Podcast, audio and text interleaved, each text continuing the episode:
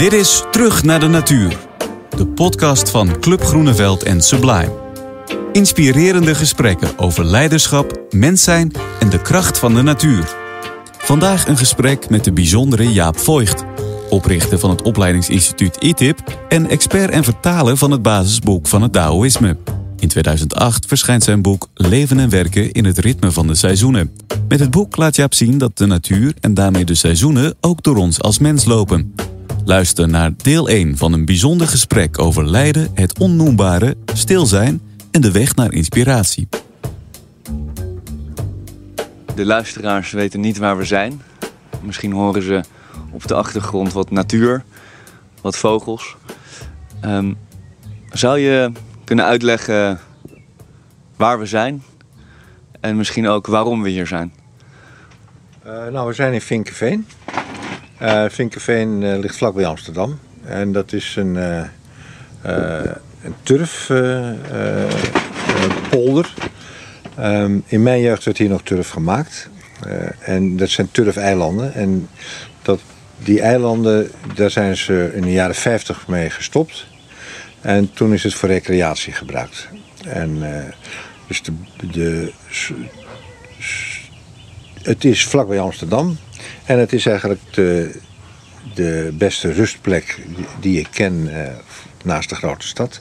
Dat is waarom ik hier een woonmoot heb. Uh, met een klein stukje land en een klein bootje voor de plas. En hier trek ik me dus terug. En specifiek inderdaad zijn we hier als het ware op jouw plek.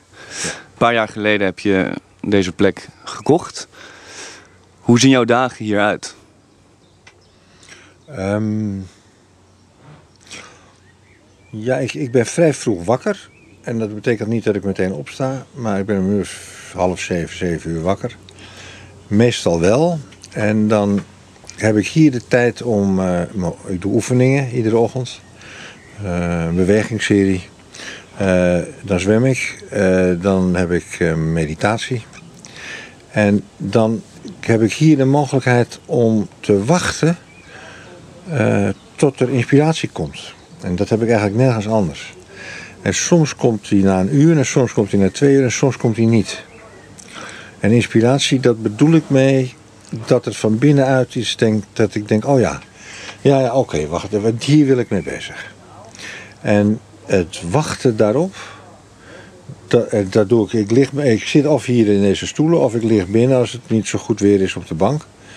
En uh, dat was eerst heel uh, onwennig voor mijn wil. Want ik wil altijd meteen beginnen. En, uh, maar hier wacht ik tot er iets komt. En als het niet komt, uh, dan is het jammer.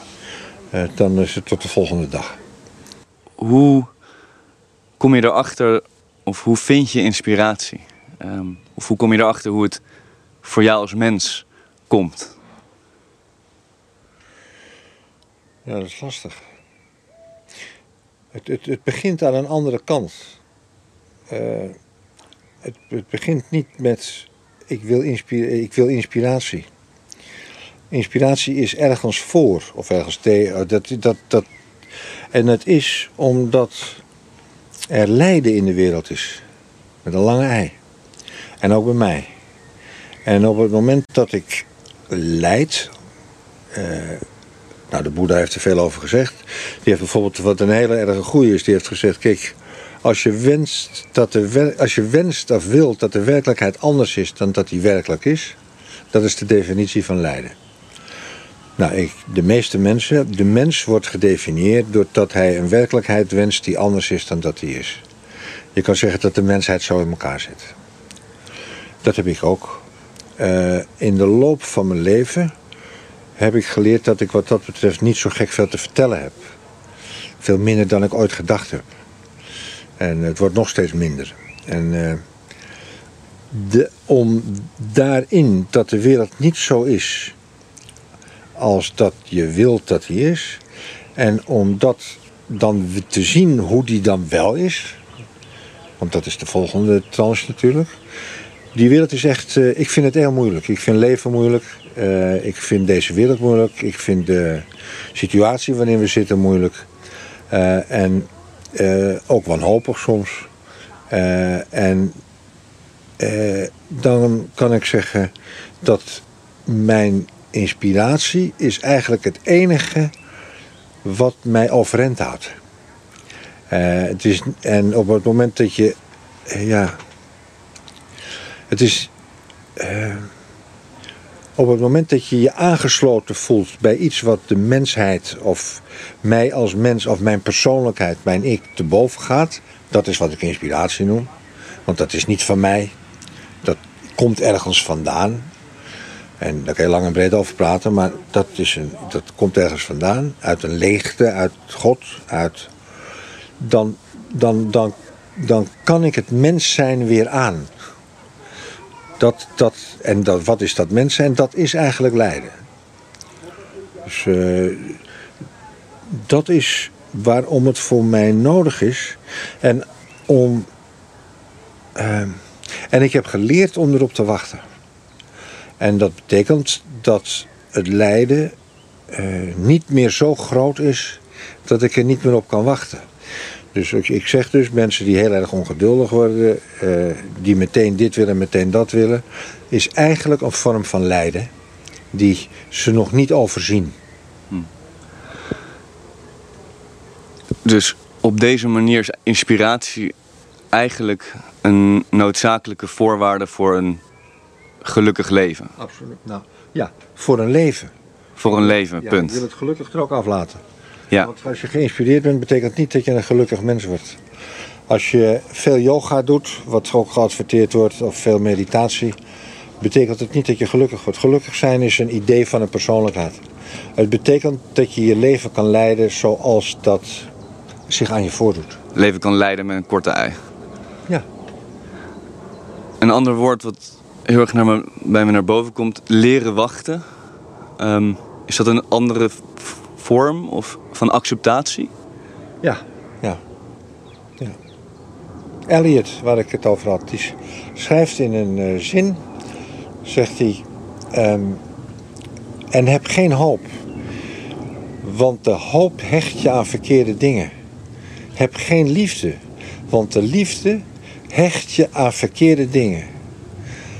Maar heb wel vertrouwen, want hoop, vertrouwen en liefde die moeten wachten. Want die zijn niet klaar voor welk antwoord dan ook. En dat, dat einde Elliot. Dat betekent dat het heel fundamenteel is. Het is eigenlijk zo dat je in de diepste onderstroom niets anders doet dan wachten tot je gevonden wordt door die inspiratie. Maar heb wel vertrouwen. Absoluut. En als je het niet hebt, dan is dat waar je naar kijkt. Wat gebeurt er met mij als ik geen vertrouwen heb? Ja. Maar vanuit Elliot gedacht, um, komt de hoop en de liefde en het wachten vanuit vertrouwen. Dus dan zal de vraag zijn: hoe vind je vertrouwen?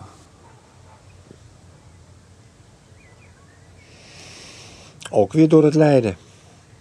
Als je het niet hebt en je hebt het heel lang niet, hoe voel je je dan? Nou, dan krijg je een burn-out. Je, je knapt af. Uh, het gaat niet meer. Dus ik denk dat al die dingen, ook de hoop en ook de liefde, waarvan Elliot zegt, je moet op wachten en daar ben ik het mee eens. Maar ook het vertrouwen of al die dingen, die, um, die leer je alleen maar door schade en schande, om het plat te zeggen. Uh, door te zien dat je een verkeerde weg genomen hebt, doordat het lijden groter wordt. En dat je daar wakker in blijft. De meeste mensen ontkennen dat ze lijden. Mijn eerste vraag aan mensen als ik daarmee samenwerk of mee werk is: waar leid jij aan? Dat vind ik een doodgewoon ingangsvraag. De Boeddha zegt ook: als je niet weet waaraan je lijdt, ben je niet onderweg. En een ander ding wat helpt, dat is meteen: er zijn gevoelens die door het ik niet uh, toe te eigenen zijn. Dat kan je wel proberen nog, maar dan maak je er meteen uh, een puinbak van. Alles wordt tegenwoordig door het ik toegeëigend.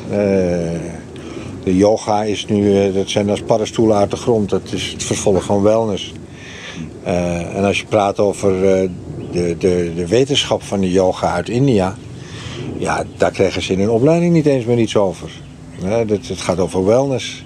Maar wat yoga inhoudt eh, aan, aan geestelijkheid, dat wordt niet overgedragen. Dat betekent dat het volkomen door het ik is toegeëigend. Er zijn uh, gevoelens die ik uh, koester en waar ik zoveel mogelijk aandacht aan probeer te schenken. Dat zijn gevoelens van dankbaarheid, ontroering, uh, aangeraakt worden door iets. Een kind, iets wat loopt, iets wat gebeurt. En als ik aangeraakt word, dat ik dan stilsta en denk: oké, ik word echt aangeraakt. Maar dankbaarheid, uh, ontroering en aanraakbaarheid, dat is wat mij helpt om op te focussen. Dan wordt mijn vertrouwen groter. Dat is eigenlijk een directere weg dan via het lijden. Dat het misschien best wel een ingewikkelde ontdekkingstocht is om goed uit te pluizen waar je nou precies aan leidt. Ja, maar ga op die tocht. Hoe ga je die tocht aan? Ja, door in ieder geval te, te, te, te zeggen, door in ieder geval niet een, uh, een of andere flauwekul uh, façade op te hangen. Ik bedoel, tussen de mensen tussen de 30 en 40, daar zijn er op dit moment 35% burn-out van, van de werkende bevolking. Wat is dat voor een signaal? Als ik staatssecretaris was, dan zou ik dat als een serieus signaal nemen. Dat betekent voor mij een geestelijke wake-up call. Namelijk, als 35% van mensen tussen 30 en 40 in een burn-out terechtgekomen is, dan is er een gebrek aan zingeving. Dan is er een gebrek aan bezieling. Dan is er een gebrek aan inspiratie. Dan is, er dan is het een gevangenis geworden. En ze begint, begint nu al tussen de 20 en 30. Als je burn-out bent eh, en je bent alleen maar bezig om daar eh, van bij te komen en een volgende baan te krijgen, ja, dan leer je er geen bal van. En wat, wat zegt een burn-out?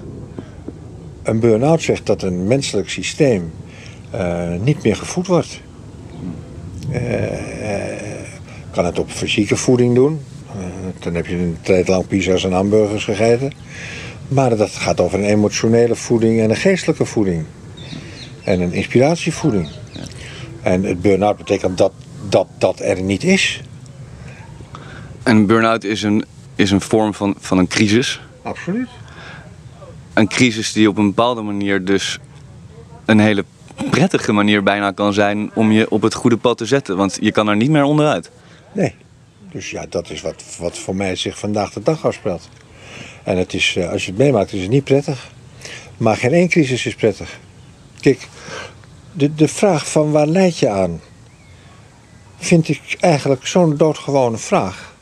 Hm. Um, en de. Uh, uh, ik leid eraan dat uh, ik, terwijl ik helemaal niet meer in die situatie ben, maar dat ik in mijn leven veel te veel haast heb moeten hebben dat ik niet organisch de dingen achter elkaar kon doen. Zo had ik mijn leven ingericht. Dat ik te veel haast had. Nou, daar leid ik aan. Toen ik dat ontdekte, ben ik daar ook flink, eh, heb ik daar wat aan gedaan. En zo dicht bij de, voor de deur ligt het. Uh, ik uh, leid eraan dat ik uh, weinig mensen heb waarmee ik kan uitwisselen op een bezielend niveau in mijn persoonlijk leven. Die heb ik heel erg gezocht. Uh, ik leid eraan dat uh, op de snelweg leid ik. Ik vind het vreselijk. Ik bedoel, je staat stil of je, je race door. En uh, dat vind ik lijden. Ik begrijp niet dat mensen daar twee keer anderhalf uur per dag in kunnen zitten. Dat is lijden voor mij. En ja, als je, je begrijpt dat je je leven moet omgooien. En dan zeg ik, nou het lijkt me verstandig om dat te doen. Dus het lijden ligt zo dichtbij. Dat, dat, en op het moment dat iemand zegt, nou ja, bedoel er niet zo zwaar jongen, uh, rare oude man. Of uh, uh, lijden, wat, wat praat je over, het gaat allemaal hartstikke goed. Ja, dan leven we op een andere planeet. Dan ben ik ook uitgeluld hoor. Ik bedoel, dan zeg ik ook goeiedag. En ik vind ze niet stom of... maar dan denk ik, ja, tot ziens maar weer. Hopelijk. Maar uh, En dat zijn twee, dan, dan is het verschillend. De mensen waarbij alles goed gaat, eh, eh, kan ik niet langer dan een minuut of tien mee praten. Omdat je het gevoel hebt dat dat een façade is? Dat is een façade. Dat is een façade. En de persoonlijkheid. De ontwikkeling van de persoonlijkheid. Die we allemaal hebben omdat we hier moeten overleven. Die persoonlijkheid is uit op continuïteit, op zekerheid en op veiligheid. Op het moment dat hij dat heeft in een situatie, continuïteit, veiligheid en zekerheid, dan is die persoonlijkheid tevreden. Op het moment dat er iets komt wat niet continu is, op het moment dat er komt wat niet veilig is, op het moment dat er iets komt wat niet zeker is, dan begint die persoonlijkheid al te piepen. Luister daarna. We zitten hier nu redelijk veilig. En we hebben een continuïteit van een dag. Uh, en uh, ja, dat is vrij zeker. Er is koffie en er is van alles. Maar op het moment dat we de, dus de weg op gaan, moeten we echt heel erg opletten. Hm.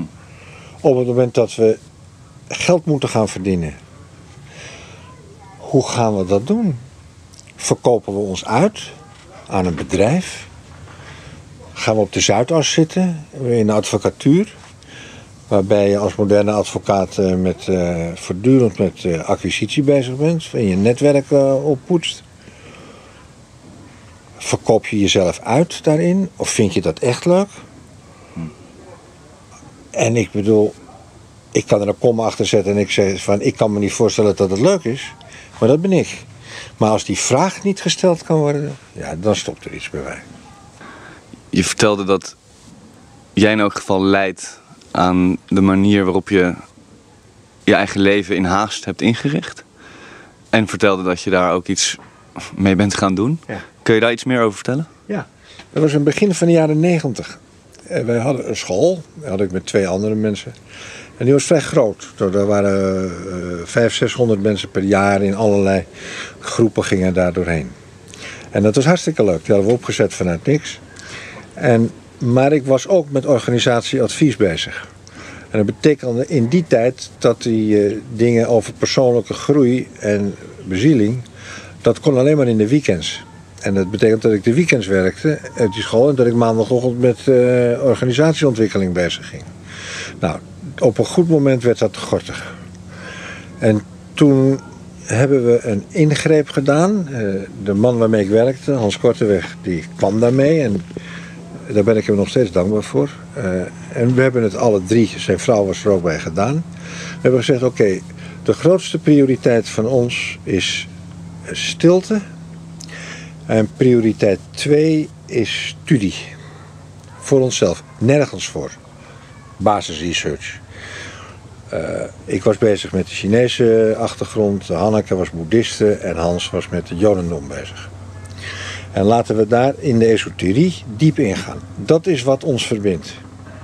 De school is iets wat daar buiten staat. Dat is een omkering. Dan plannen we in onze agenda het eerste de stilte en de tweede het studietijd.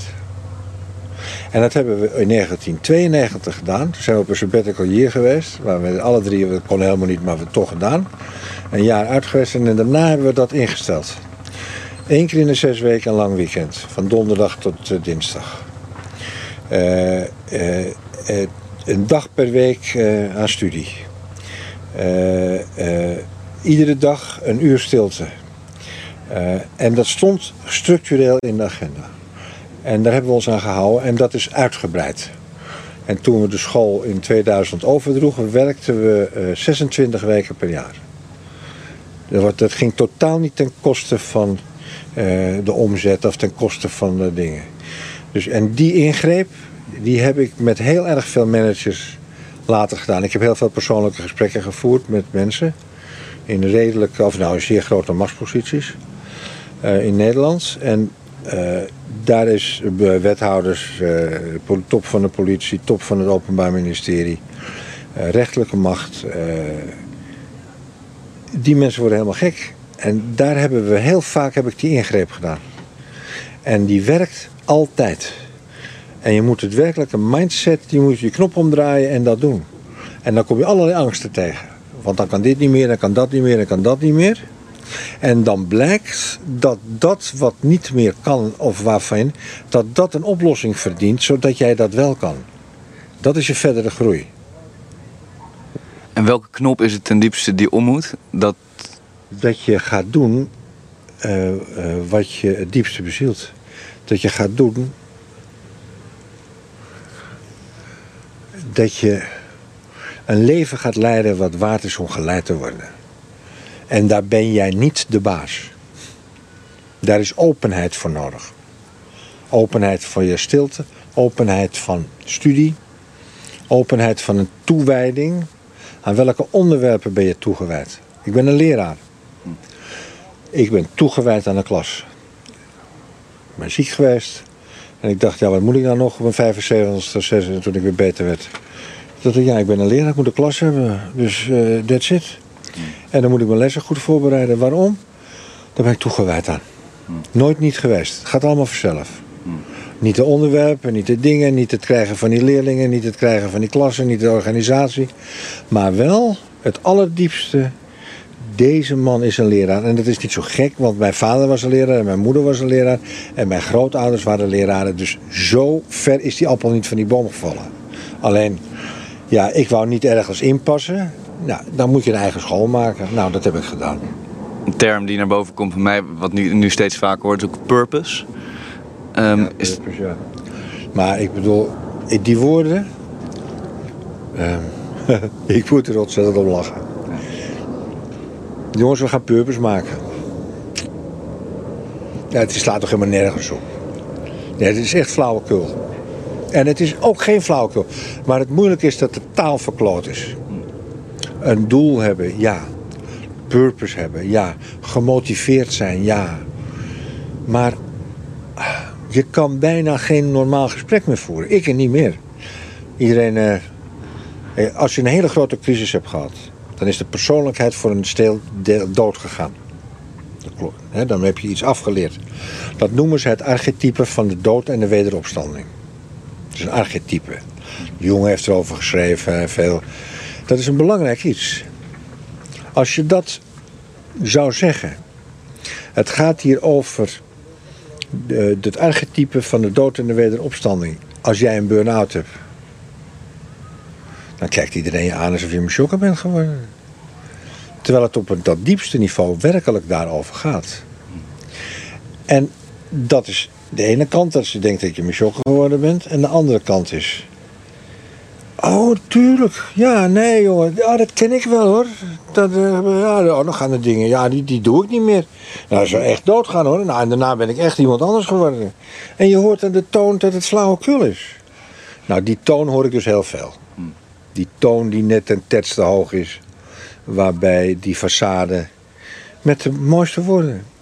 Ja. Met woorden die in mijn generatie uitgevonden zijn. Vanaf de jaren zestig. En dat zijn hele goede woorden geweest. Transformatie. Uh, dat was een transformatie die was in de jaren 70 en 80 was dat iets, was dat de phoenix die opsteeg uit as. En dat was heel ingrijpend. Ja, nu heb je, kan je het transformeren in een uurtje. Uh, rebirthing. Weet je, dat, het, het, idee was ook, ja, dat, dat werd ontdekt. Wat was dat nou? Ja, dat is dat je werkelijk die geboorte of een trauma beleeft, herbeleeft. Maar je kan tegenwoordig in de middag rebirthen. Echt waar. Kijk maar op die, op die websites.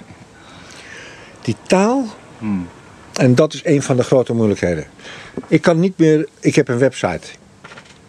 En ik had een enorme moeite om dat ding te maken. Een jonge jongen tegen mij, zo'n jouw leeftijd, tegen mij, je moet toch wel een website hebben. Toen zeg ik, ja, ik doe het niet, weet je wel. Je, je, korte zin, een mooi plaatje, lees meer. Eh, en wat ik lees is vreselijk.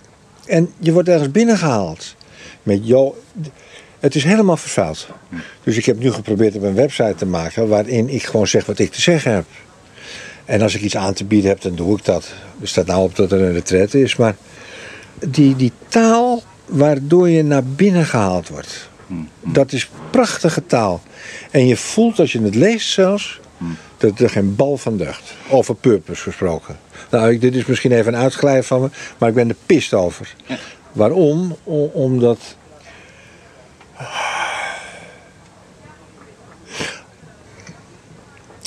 Het is zo teer allemaal.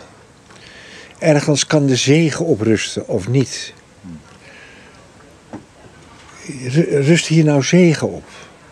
Dat vind ik een goede vraag. Dan word ik stil. Eh, daar kan je eigenlijk geen flauwekul van maken. Dat woord kom je op die websites ook niet tegen. Eh, Ben ik dankbaar, wat ik net zei. Je wordt ogenblikkelijk stil. Nou, dat is helemaal de bedoeling van die website niet. Die website is dat je naar die moet komen en betalen moet. Eh, er is nu, ik heb de, een Chinees boek, de I Ching. Daar ben ik al mijn hele leven mee bezig. Echt 40 jaar.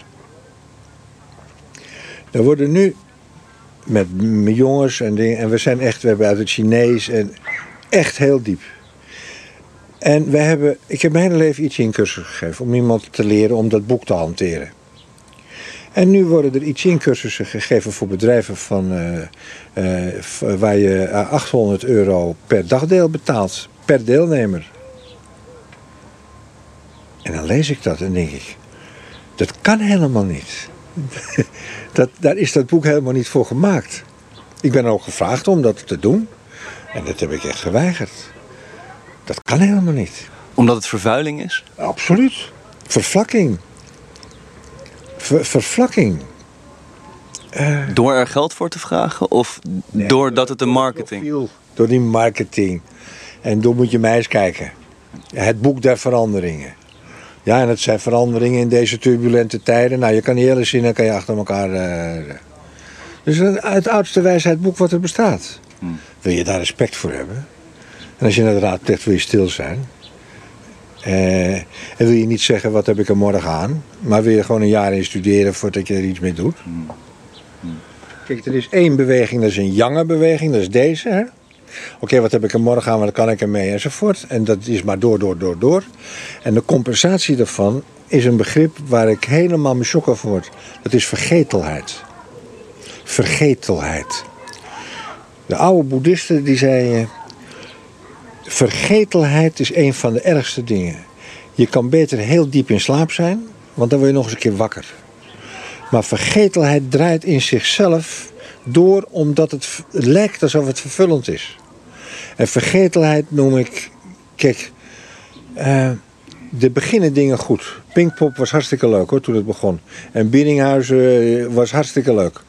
En, en dansfeest is hartstikke leuk. Nu, in de zomer, vorig jaar in Amsterdam, een week dansfeest, 50.000 mensen. 50.000. Iedere nacht. Eh Biddinghuizen, eh, drie tot vier dagen. Pinkpop. Totale vergetelheid. Wij gaan op in het geheel. Nou, ik begrijp, ik ben ook wel naar popconcerten geweest natuurlijk. Ja, lekker. Lekker. Maar dat is het dus. Dat is de huidige zingeving. Ja, vergetelheid. Opgaan in. En de andere kant van de medaille is haast en het moet morgen af. Nou, het zijn die twee extremen waarin de wereld stuk gaat op dit moment. Waarom ik hier eh, onder die eh, percola zit, naar het water te kijken. Want het is niet om aan te zien. Met de kinderen ook. Ik heb eh, zes kleinkinderen. Met die iPads, met die dingen, met, met, met die telefoons. Is onvoorstelbaar. Eh, Iemand die wordt 17 jaar. Die zit met zes vriendinnen aan tafel en die zitten allemaal met dat ding. En die zitten aan elkaar te appen. Ja. En dus dan zeg ik, ja, eh, opa, eh, A, Roosje heet ze, Roosje, ik wou echt gewoon eventjes met jullie praten. En die vriendinnen ken ik ook wel. Het lijkt me gezellig. En wat doen jullie eigenlijk? Ja, we zitten elkaar te appen. Ik zeg, maar dan kun je toch beter praten? Nou, dan eventjes, maar dan ben je toch eh, niet helemaal up-to-date. Ja, dat is, dat is heel verdrietig.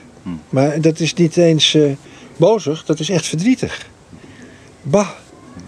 En het remedie, je vertelde al je eigen remedie begin jaren Ik negentig. zou het niet weten. Doorgaand lijden.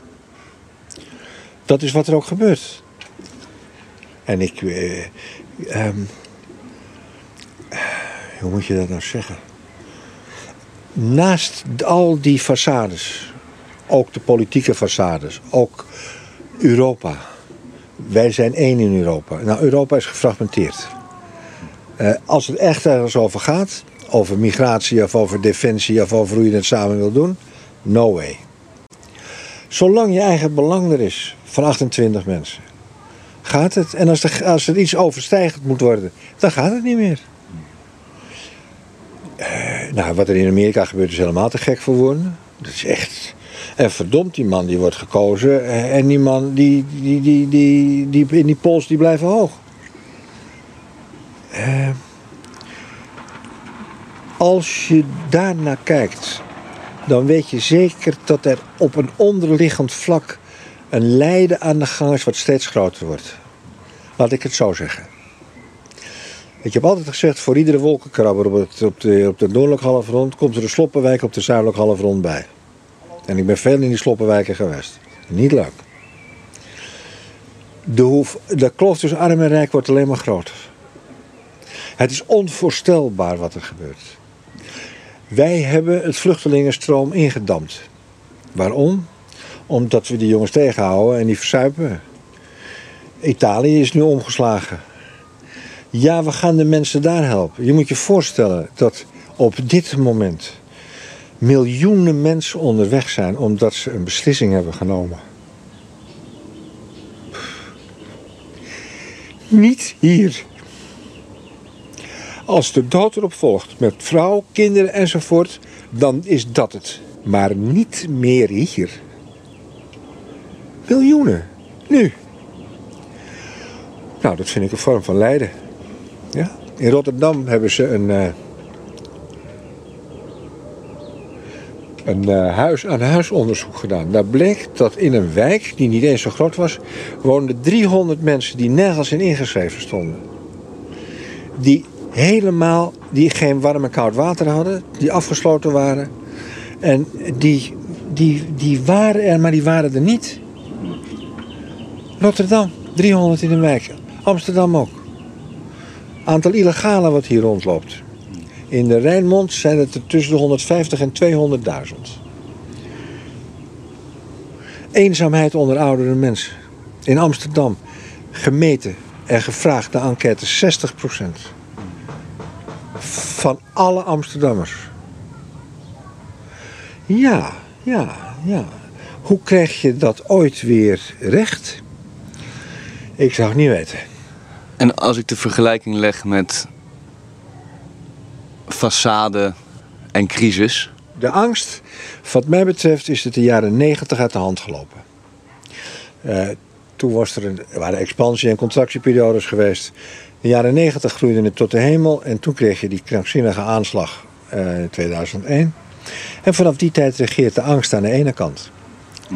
Kijk maar als je op reis gaat. Eh, eh, kijk maar naar de procedures die je moet volgen. Eh, en een angst die vernauwt, vernauwt, vernauwt, vernauwt. En de façade wordt eh, anything goes. En ja, dat is nog niet afgelopen. Daar hebben wij het nulpunt niet van bereikt. En tegelijkertijd, om het cru te zeggen, ehm, de crisis is, eh, maakt in elk geval heel erg duidelijk voor een mens in zijn persoonlijke leven: ik zit op de verkeerde weg. Ja. En dan komt of de transformatie of de wedergeboorte. Individueel. Of je gaat dood. Hoe zit dat op maatschappelijk niveau? Ik, ik, heb, ik zie geen werkelijke maatschappelijke grote bewegingen. En ik ben op zoek. Ik ben echt heel erg op zoek. Ik ben op zoek naar grote leraren. En ik ben op zoek naar waar echt. Kijk, initiatieven zijn er zat. Dus bij jullie generatie. Hartstikke leuk. Hartstikke goed. Niet alleen maar leuk, ook goed. Ook inhoudelijk. eh, qua eh, heling, medicijnen. Zijn er onderzoeken, apparaten die fenomenaal zijn. Die zijn ontwikkeld al. Die komen niet de reguliere gezondheidszorg binnen. Gewoon niet. Voeding, waar zoveel over gepraat wordt. We weten helemaal niet meer wat we eten. En het is echt waar. Mijn huisdokter zei: het grootste probleem is nu B12, want het zit niet meer in het voedsel. Iedereen heeft een B12 tekort en niemand weet het bijna. D3. Ja, dat is echt waar. Crisis. De- als, ik zou in een crisis zitten als ik twee keer anderhalf uur in een file zou moeten zitten. Een verwordingsproces. Eh, dat heb ik beleefd. Ik heb een aantal mensen meegemaakt die eh, gek werden. Wat ze noemen, opgesloten werden. Dat is een verwordingsproces, wat heel langzaam gaat. Wij zijn heel ver in dat verwordingsproces. Waarin ook dit nog acceptabel is en ook dat nog acceptabel. Als het maar niet te dicht bij huis komt. In Amerika nu had je vroeger Noord-Amerika Zuid-Amerika. Nu is het zo dat rond iedere grote stad in Noord-Amerika ligt er een Zuid-Amerika van slums. Eén op de acht Amerikanen is op voedselbonnen. Eén op de acht. Dat kunnen we ons helemaal niet voorstellen. Eén op de acht. Dus het lijkt alsof de crisis normaal wordt. Ja, absoluut. Die is, inge die is ingekapseld. Die is ingekapseld. Nou ja, en, en dan terug naar wat je eerder zei. Als je zelf niet ziet waar je aan leidt, Dat- zet je die stap niet. Absoluut. En dat is waar we in zitten. En dat betekent dat het enige wat mogelijk is, nou dat is ook wat ik doe, is dat je je eigen inspiratie onderhoudt, je eigen verdieping onderhoudt, je eigen persoonlijk weggaat met het lijden inherent daaraan en met de vervulling ervan. En dat je probeert om dat uit te stralen. En onderdeel daarvan is, nou, je vertelde al kort over eh, begin jaren negentig, dat je ook rigide hebt gezegd. ehm, de stilte en de rust en weg van de haast. Ja. Ehm, hoe, de- hoe is daar de koppeling met de natuur? Want daar heb je ook nog eh, over geschreven. Daarvoor, ik was, da- daarvoor was er al iets dat ik. Ik had. eh, tot ik eh 3,34 werd, heb ik een hele moeilijke tijd gehad. En daarin werkte ik heel erg hard. en op een goed moment weet ik dat ik hier langs de Utrechtse weg, die nog twee baan was, en dat ik schermbloemen zag.